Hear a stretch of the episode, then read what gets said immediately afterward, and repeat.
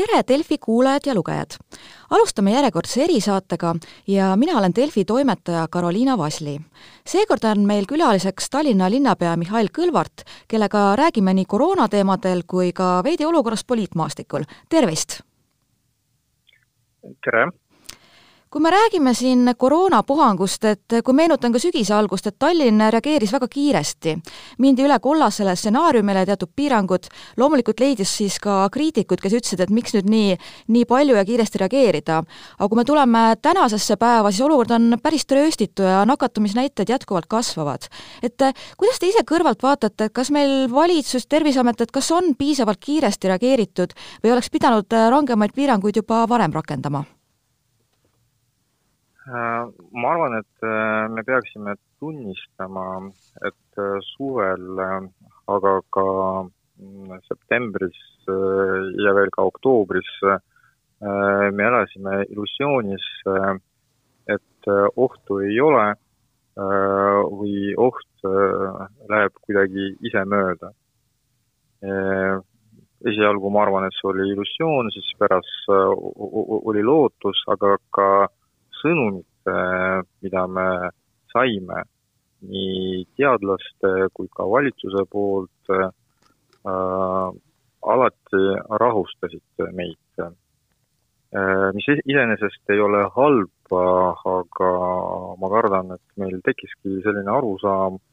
et äh, ei ole põhjust arvata, äh, et olukord äh, Äh, ei ole stabiilne. Äh, see, mida äh, meie püüdsime öelda ja meie signaal oli soov ühiskonnale anda teada, et oht tegelikult on olemas ja parem viis on ennetada. et meie rääkisime ennetusmeetmetest selleks, et epideemiat ära hoida ja need meetmed, eh, mida meie rakendasime ja meie arvates oli vaja ka laiemalt äh, rakendada, need olid just ennetusmeetmed, mitte piirangud. ja siis tuleb tunnistada, et see signaal ei leidnud toetust, aga ainult Tallinna ressurssi on ikkagi natuke vähe selleks, et see mõju oleks äh, süsteemne. Äh, ma arvan, et me tegime palju selleks, et äh, seda olukorda kontrolli all hoida sügisel, aga peale koolivaheaega seda kontrolli hoida ainult Tallinna ressursiga ei olnud enam võimalik. ja ma arvan, et see nagu peamine järeldus, mida me võiksime teha, äh, ongi kahjuks äh, see, et äh, kevadise perioodi õppetund ei läinud meile korda. et me ei tegelenud ennetamisega ja me ei tegelenud piisavalt ettevalmistamisega. sealhulgas ka nende signaalide osas, mida Äh, ühiskonnale äh, andsime kui me vaatame tänast päeva, ma just lugesin ka uudistest, et jälle natukene tuleb piiranguid juurde, näiteks baarid ja meelelahutuskohad, muud ka, et kaks tundi varem tuleb kinni panna, aga kas teie hinnangul praeguses olukorras peaks kaaluma natuke ka rangemat lähenemist, eriolukorda, riigi lukkupanekut? Äh, ma saan aru, et loomulikult praegu Äh, tehakse kõik selleks, et äh, eriolukorda ja lukku panemist ei, ei tuleks. Äh, ka sellepärast, et tuleb jõuluaeg ja inimestel on hoopis teised emotsioonid. aga võib-olla just sellepärast oli vaja neid rangemaid meetmeid varem rakendada. Loomulikult see ei oleks populaarne aga võib-olla siis meil oleks võimalik just enne jõule nendest piirangutest äh, välja tulla ja võtta advendiaega ja ka jõulud äh, juba hoopis paremas olukorras, nii nagu mõnes teises Euroopa riigis. praegu ma arvan, et kõige tähtsam on see, et paralleelselt sellega, et me püüame olukorda hoida kontrolli all ja mitte ellu lukku panna, tuleb olla valmis ka hullemaks stsenaariumiks. et seda minu arvates on jätkuvalt vähe, et me ainult reageerime ja siis enda mm, taktikat üles ehitame lähtuvalt sellest, mis on tänase päeva statistika Äh, noh, selline lähenemine ei ole äh, jätkusuutlik. Äh, me peame need sammud ette programmeerima, kui olukord läheb halvemaks, siis on meil ette valmistatud sellised meetmed, kui olukord hakkab paranema, siis meil on siis nendest piirangutest välja tulemise plaan selline ja seda oleks vaja ka inimestele äh, kommunikeerida, et inimestel oleks ka arusaam, et kus me praegu oleme ja mis juhtub äh, siis, kui äh, tõepoolest olukord hakkab halvenema, aga mis on kõige tähtsam, et kui see must stsenaarium peaks realiseeruma, meil peaks, meil peab olema kindel tunne ja kindel arusaam, et meil on ka selleks kõik valmis. Eh, eriti, eh, mis puudutab eh, tervishoiusüsteemi kui rääkida Tallinnast, siis ka mitmed tuttavad, kes Tallinnas elavad, on minu käest küsinud, et mis see, mis seal Tallinna stsenaarium ikkagi on, et see punane valgusfoori tuli, kui süttib, et mis siis, mis tingimustel ja mis siis meie igapäevaelus muutuks? No me oleme seda päris mitu korda seletanud, et tegelikult äh, see valgusfoorisüsteem äh, oli mõeldud eelkõige äh, linnaasutustele. ja me oleme seda tõepoolest rakendanud juba septembrist mõnes asutuses, sotsiaalhoolekanne asutustest juba augusti lõpust ja tänu sellele see annab ka meile võimaluse jätkuvalt Äh, nendes asutustes äh, äh, olukorda kontrolli all hoida. Et punane stsenaarium tähendab seda, et riigi poolt on välja kuulutatud eriolukord või täielik karantiin ja, ja et ei oleks nii, nagu see oli kevadel, et peale iga otsust siis ainult hakkavad tekkima tegevusplaanid, et äh, igal linnaasutusel oleks äh, selge arusaam, et kui see nupp on vajutatud, äh, mida tuleb teha ja mis on igapäevane töökorraldus. sest ka punase stsenaariumi puhul meie soov, aga ka meie kohustus on tallinlasi mm, teenindada ja mm, pakkuda neid teenuseid, mida linn peab pakkuma maksimaalselt kvaliteetselt ja sellepärast äh, see töökorraldus pidigi olema varem välja töötatud, äh, juba suvel me sellega tegelesime, et juhul, kui äh, valmisolek on olemas, et meie jaoks see punane stsenaarium tähendabki seda, et kui juhtub nii, et riik peab eriolukorda jälle välja kuulutama, et kõik teavad, kuidas reageerida ja mida teha kui rääkida ka veel natuke praegustest meetmetest, et ka näiteks praegu stuudiosse tulles ma tulin ühistranspordiga, bussiga ja mulle tihti tundub viimasel ajal, et umbes pooled inimesed kannavad seal maski ja ka kuskil toidupoes ja niimoodi, et paljud siiski ei kanna, et kas jah, muidugi, et omavalitsus ei saagi siin palju sekkuda, aga kas teie meelest peaks kuidagi seda maski kandmist ka rangemalt riiklikult reguleerima, näiteks isegi võib-olla trahvid kehtestama neile, kes käske eiravad? no algusest peale äh, me rääkisime sellest, et äh, tuleb anda esiteks äh, väga konkreetse signaali, mis on ootus maskide osas. et soovitus või range soovitus ei ole väga arusaadav signaal. et oligi vaja otsustada, et see on kohustuslik ja tulebki maske kanda Samas ma ei arva, et inimesi tuleb trahvida. seletustööd kindlasti oleks vaja teha ja ma isegi arvan, et mõnikord ka politsei võiks an-, anda selge signaali või isegi märkusi inimestele et, et inimesed tunneksid, et olukord on tõepoolest äh, väga tõsine. kas inimesi tuleb äh, karistada, et äh, noh, mina jätkuvalt arvan, et inimesed suudavad olla mõistlikud ja ma arvan, et me täna saame ka tallinlasi tänada, et on näha, et maske kantakse isegi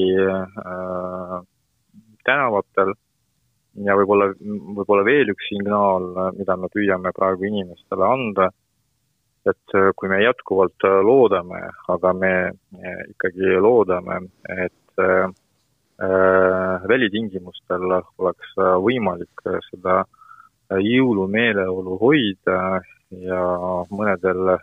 väliüritustel osaleda, siis juba praegu ka väliüritustel maski kandmine peaks olema kohustuslik. Aga väga tähtis on see, et iga inimene seda, äh, seda kohustust vabatahtlikult võtaks äh, enda peale, sest äh, iga inimene peaks mõistma, mis see praegune olukord on. Kui rääkida ka kohustustest, siis riiklikult ka otsustati koolide distantsõppe osas, täpsemalt gümnaasiumid, ja ka Tallinnas selleks rakendus, aga ma saan aru, et äh, vahepeal soovisite ka erisusi, et mis seis sellega praeguseks üldse on, et kas on midagi veel õhus või jääb praegu nii, et äh, vähemasti detsembrikuus kindlasti distantsõppel? noh, no olgem ausad, et äh, tegelikult efektiivne meede on täielik karantiin. nagu seda näitavad Äh, nagu seda näitab teiste riikide kogemus. aga kui ja, ja loomulikult äh, seda mm, rakendada oleks vaja nagu varem, et selleks, et jõuludeks sellest juba välja tulla. Äh, kui me räägime sellest lähenemisest, et on rakendatud sellised pehmemad meetmed, Äh, siis äh, need äh, pehmemad meetmed tulebki proportsionaalselt erinevates valdkonnas, valdkonnades ka rakendada, et praegu lihtsalt juhtus selline olukord, et gümnaasiumis on rakendatud sajaprotsendiline distantsõpe, aga põhikoolis, kui, kus haigus levib sama kiiresti, ei ole. Või siis äh, kutsekoolides, kus käivad äh, samas vanuses lapsed kui ka gümnaasiumis, distantsõpe ei ole ka äh, rakendatud. Ja just sellepärast mina arvan, et siis oli vaja anda ka gümnasistidele võimalus vähemalt osaliselt kontaktõpet säilitada. Ja sellepärast me ka äh, taotlesime mm, sellist äh, paindlikumat äh, lähenemist. Ja no täna me saame konstateerida, et see võimalus on ka antud. Ja see on tõepoolest tähtis, siis sest gümnasistidel on vaja ette olla valmis nii eksamiteks kui ka lõpueksamiteks, ehk siis riigieksamiteks kui ka olümpiaadideks, räägimata sellest, et alati on ka Äh, hariduslikke erivajaduse, kus äh, kontaktõpe on äh, hädavajalik. ja, ja, ja, ja, ja praegu me ikkagi lähtume sellest, et detsembri lõpuni, et see võimalus on olemas ja osaliselt ikkagi me kontaktõpet saame rakendada ja koroona teemal veel küsiks ka siin, et meil on detsember ja jõulukuu, et äh, jõuluturg on vanalinnas Raekoja platsil päris hästi startinud, et kuidas selle vanalinna nii-öelda äride päästmise ja abistamisega praeguseks läheb? jaa, noh, nagu ma ütlesin, et äh, kuna äh, me oleme juba äh, päris äh, varakult äh, saanud aru, et äh, meid ootavad teistmoodi jõulud ja lähtuvalt sellest hakkasime ka enda programmi ette valmistama, siis meie pearõhk ongi väliüritused, aga ka linna kaunistamine ja mm, selline kontseptsioon ka praegu rakendatud, et ühest küljest, et inimestel oleks ikkagi võimalus Äh, positiivse emotsiooni saada vanalinnas, aga ka teistes linnaosades, sest äh, see programm on hajutatud mitte ainult vanalinnas, kus meil tekkisid erinevad huvased äh, kohad, kus on nii väiksemad kultuuriprogrammid kui ka huvitavad installatsioonid, et samamoodi on ka erinevates linnaosades tekkinud sellised kohad, Äh, kus äh, inimesed äh, saavad sellist jõulumeeleolu. ja nagu ma ütlesin, et selline lähenemine ongi tingitud sellega, et inimesi maksimaalselt hajutada, et ei oleks ainult üks koht, jõuluturg, vaid oleks selliseid kohti rohkem. Ka sellepärast, et me näeme, et inimesed on huvitatud Äh, selliseid kohti ja üritusi äh, külastada, sest äh, noh, aru saades, mis on inimeste ootused ja emotsioon advendi ajal. ja see kõik omakorda tõepoolest, eriti vanalinnas, toob inimesi ka baare ja restorane külastama, et meil oli loodud ühine kontseptsioon koos erasektoriga ja praegu me küll näeme, et see, see kontseptsioon töötab. Äh, loomulikult äh, me peame arvestama sellega, et äh, olukord võib halveneda ja kui tulevad täiendavad piirangud, siis osa sellest programmist jääb suure küsimärgi alla, aga me väga loodame, et sõltumat-, sõltumatult olukorrast me suudame ikkagi tallinlasi rõõmustada äh, välisinstalatsioonidega, äh, kaunistamisega, valgustamisega ja, ja me ikkagi loodame, et ka see meie äh, välikultuuriline programm ka äh, äh, jääb äh, meie kavas äh, ja inimestele vähemalt äh, selle kaudu või tänu selle programmile saab äh, sellist jõulu meeleolu äh, pakkuda ja tagada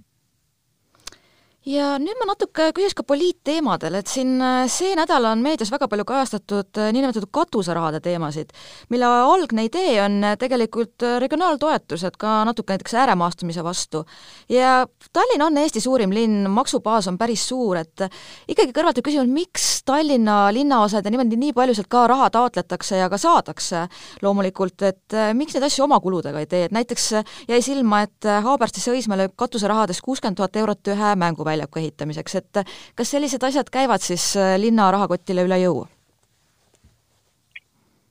jaa, no võib-olla alustame sellest, et äh, äh, ka Tallinna linn loomulikult peaks saama riigi toetust selleks ka, ka selleks, et enda infrastruktuuri arendada, et see on igati minu arvates äh, õige ja loogiline. aga äh, mis puudutab katuseraha jagamist, et tegelikult ju Tallinna linn midagi ei taotle. isegi me ei kooskõlasta neid objekte, mille peale tulevad toetused ja mida otsustavad Riigikogu liikmed et, et veel üks kord, et oleks äh, see pilt äh, väga selge, et esiteks äh, Tallinna linn midagi ei taotle ja teiseks neid otsuseid isegi meiega keegi ei kooskõlasta. et see on sellised väga konkreetsed otsused või e-, ettepanekud, mida teevad Riigikogu liikmed ja millest pärast saab suur loetelu nendest objektidest, äh, millega arvestatakse riigieelarves. aga mis puudutab Tallinna linna eelarvet, äh, siis jah, meil on sel aastal eriline rõhk just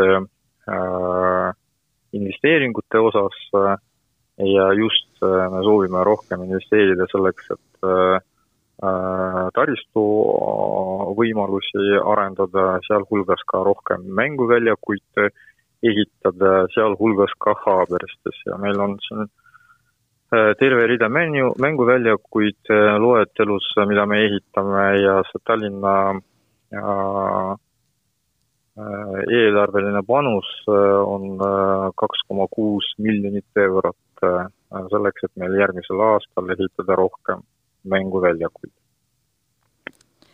siin äh, meedias kõige rohkem on räägitud sellest, et kõige suurem äh, summa anti koalitsiooni poolt katuserahana siin ühele abordivastasele organisatsioonile, et äh, mis para-, mis peegeldab ka Keskerakonna hoiakuid, et siin näiteks Kersti Kaljulaid ka Esimeses stuudios rääkis, et tegelikult see ei ole üldse tema hinnangul meil teemagi praegu, et mille üle peaks ühiskonnas arutlema, et mis, mis teie arvate, on see õigustatud või mitte, et koalitsioon sellist organisatsiooni toetab ja üldse selliste küsimustega tegeleb? Äh, noh, alustame sellest, et äh, äh, ka mina arvan, et selliste küsimustega peaksid tegelema eelkõige arstid ja perenõustajad ja ja tegelikult me näeme, et nad saavad ka hakkama, et seda näitab ka statistika ja, ja, ja, ja, ja, ja tõepoolest ma ei näe äh, vajadust, et äh, ühiskond ja poliitikud äh, peaksid äh, kuidagi süsteemselt äh, sekkuma äh,. Äh, muidugi iga, igasugused äh, ja erinevad äh, mittetulundusühingud, ehk siis äh, kolmas sektor äh, võivad võtta endale erinevaid teemasid nii arutamiseks äh, kui ka tegelemiseks, äh, aga see ei pea olema äh, alati riigi prioriteet. Ja, ja, ja, ja mina arvan, et see on üks nendest teemadest, kus pigem oleks vaja anda sõna spetsialistidele kui poliitikutele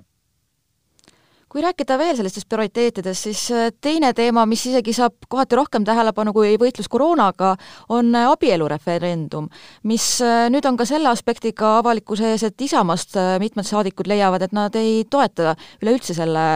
sellega tegelemist, et mis teie arvate, et peaks valitsus sellega üldse tegelema või, või on see natuke ikkagi ebamõistlik? Noh, mina olen seda teemat äh, kommenteerinud äh, juba päris äh, mitu korda, et ja mina seda ütlesin veel siis, kui ka nagu koroonast me nii tihti ei rääkinud, et et minu esimene kommentaar oligi selline, et me näeme, et meil on epideemia oht, tänaseks on juba käes, me näeme, et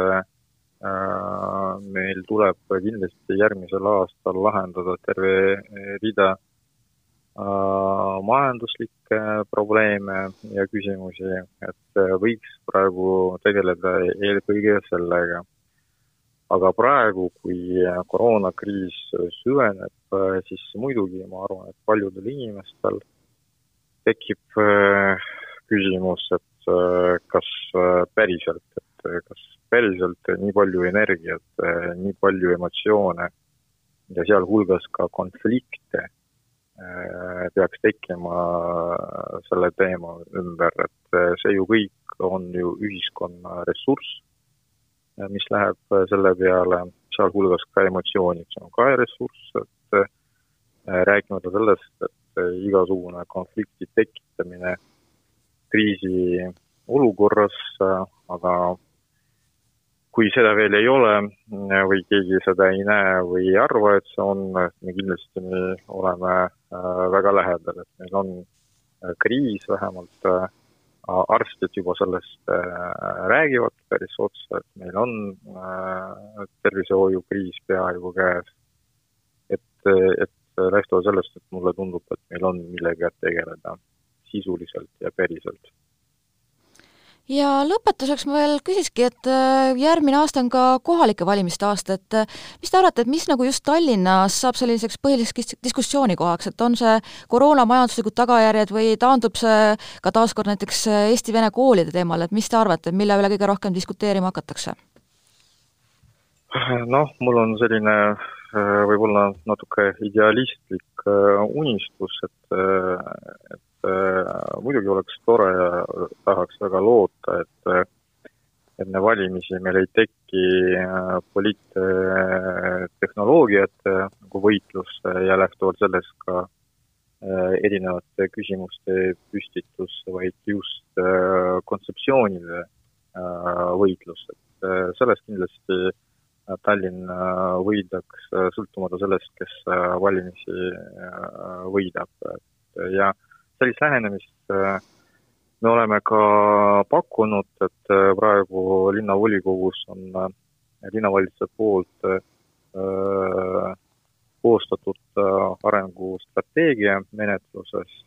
Tallinn kaks tuhat kolmkümmend viis ja seal on terve rida teemasid, mis vajavadki nii arutelu, arengut ja millest võiksid saada valimiste peamised teemad Äh, noh, kas on sõbralik äh, linnaruum, äh, roheline pööre, heatahtlik kogukond, terve Tallinn liigub, kodu, mis algab tänavast ja, ja no ja selline no, suur narratiiv nagu loov maailmalinn. et ma arvan, et need teemad on juba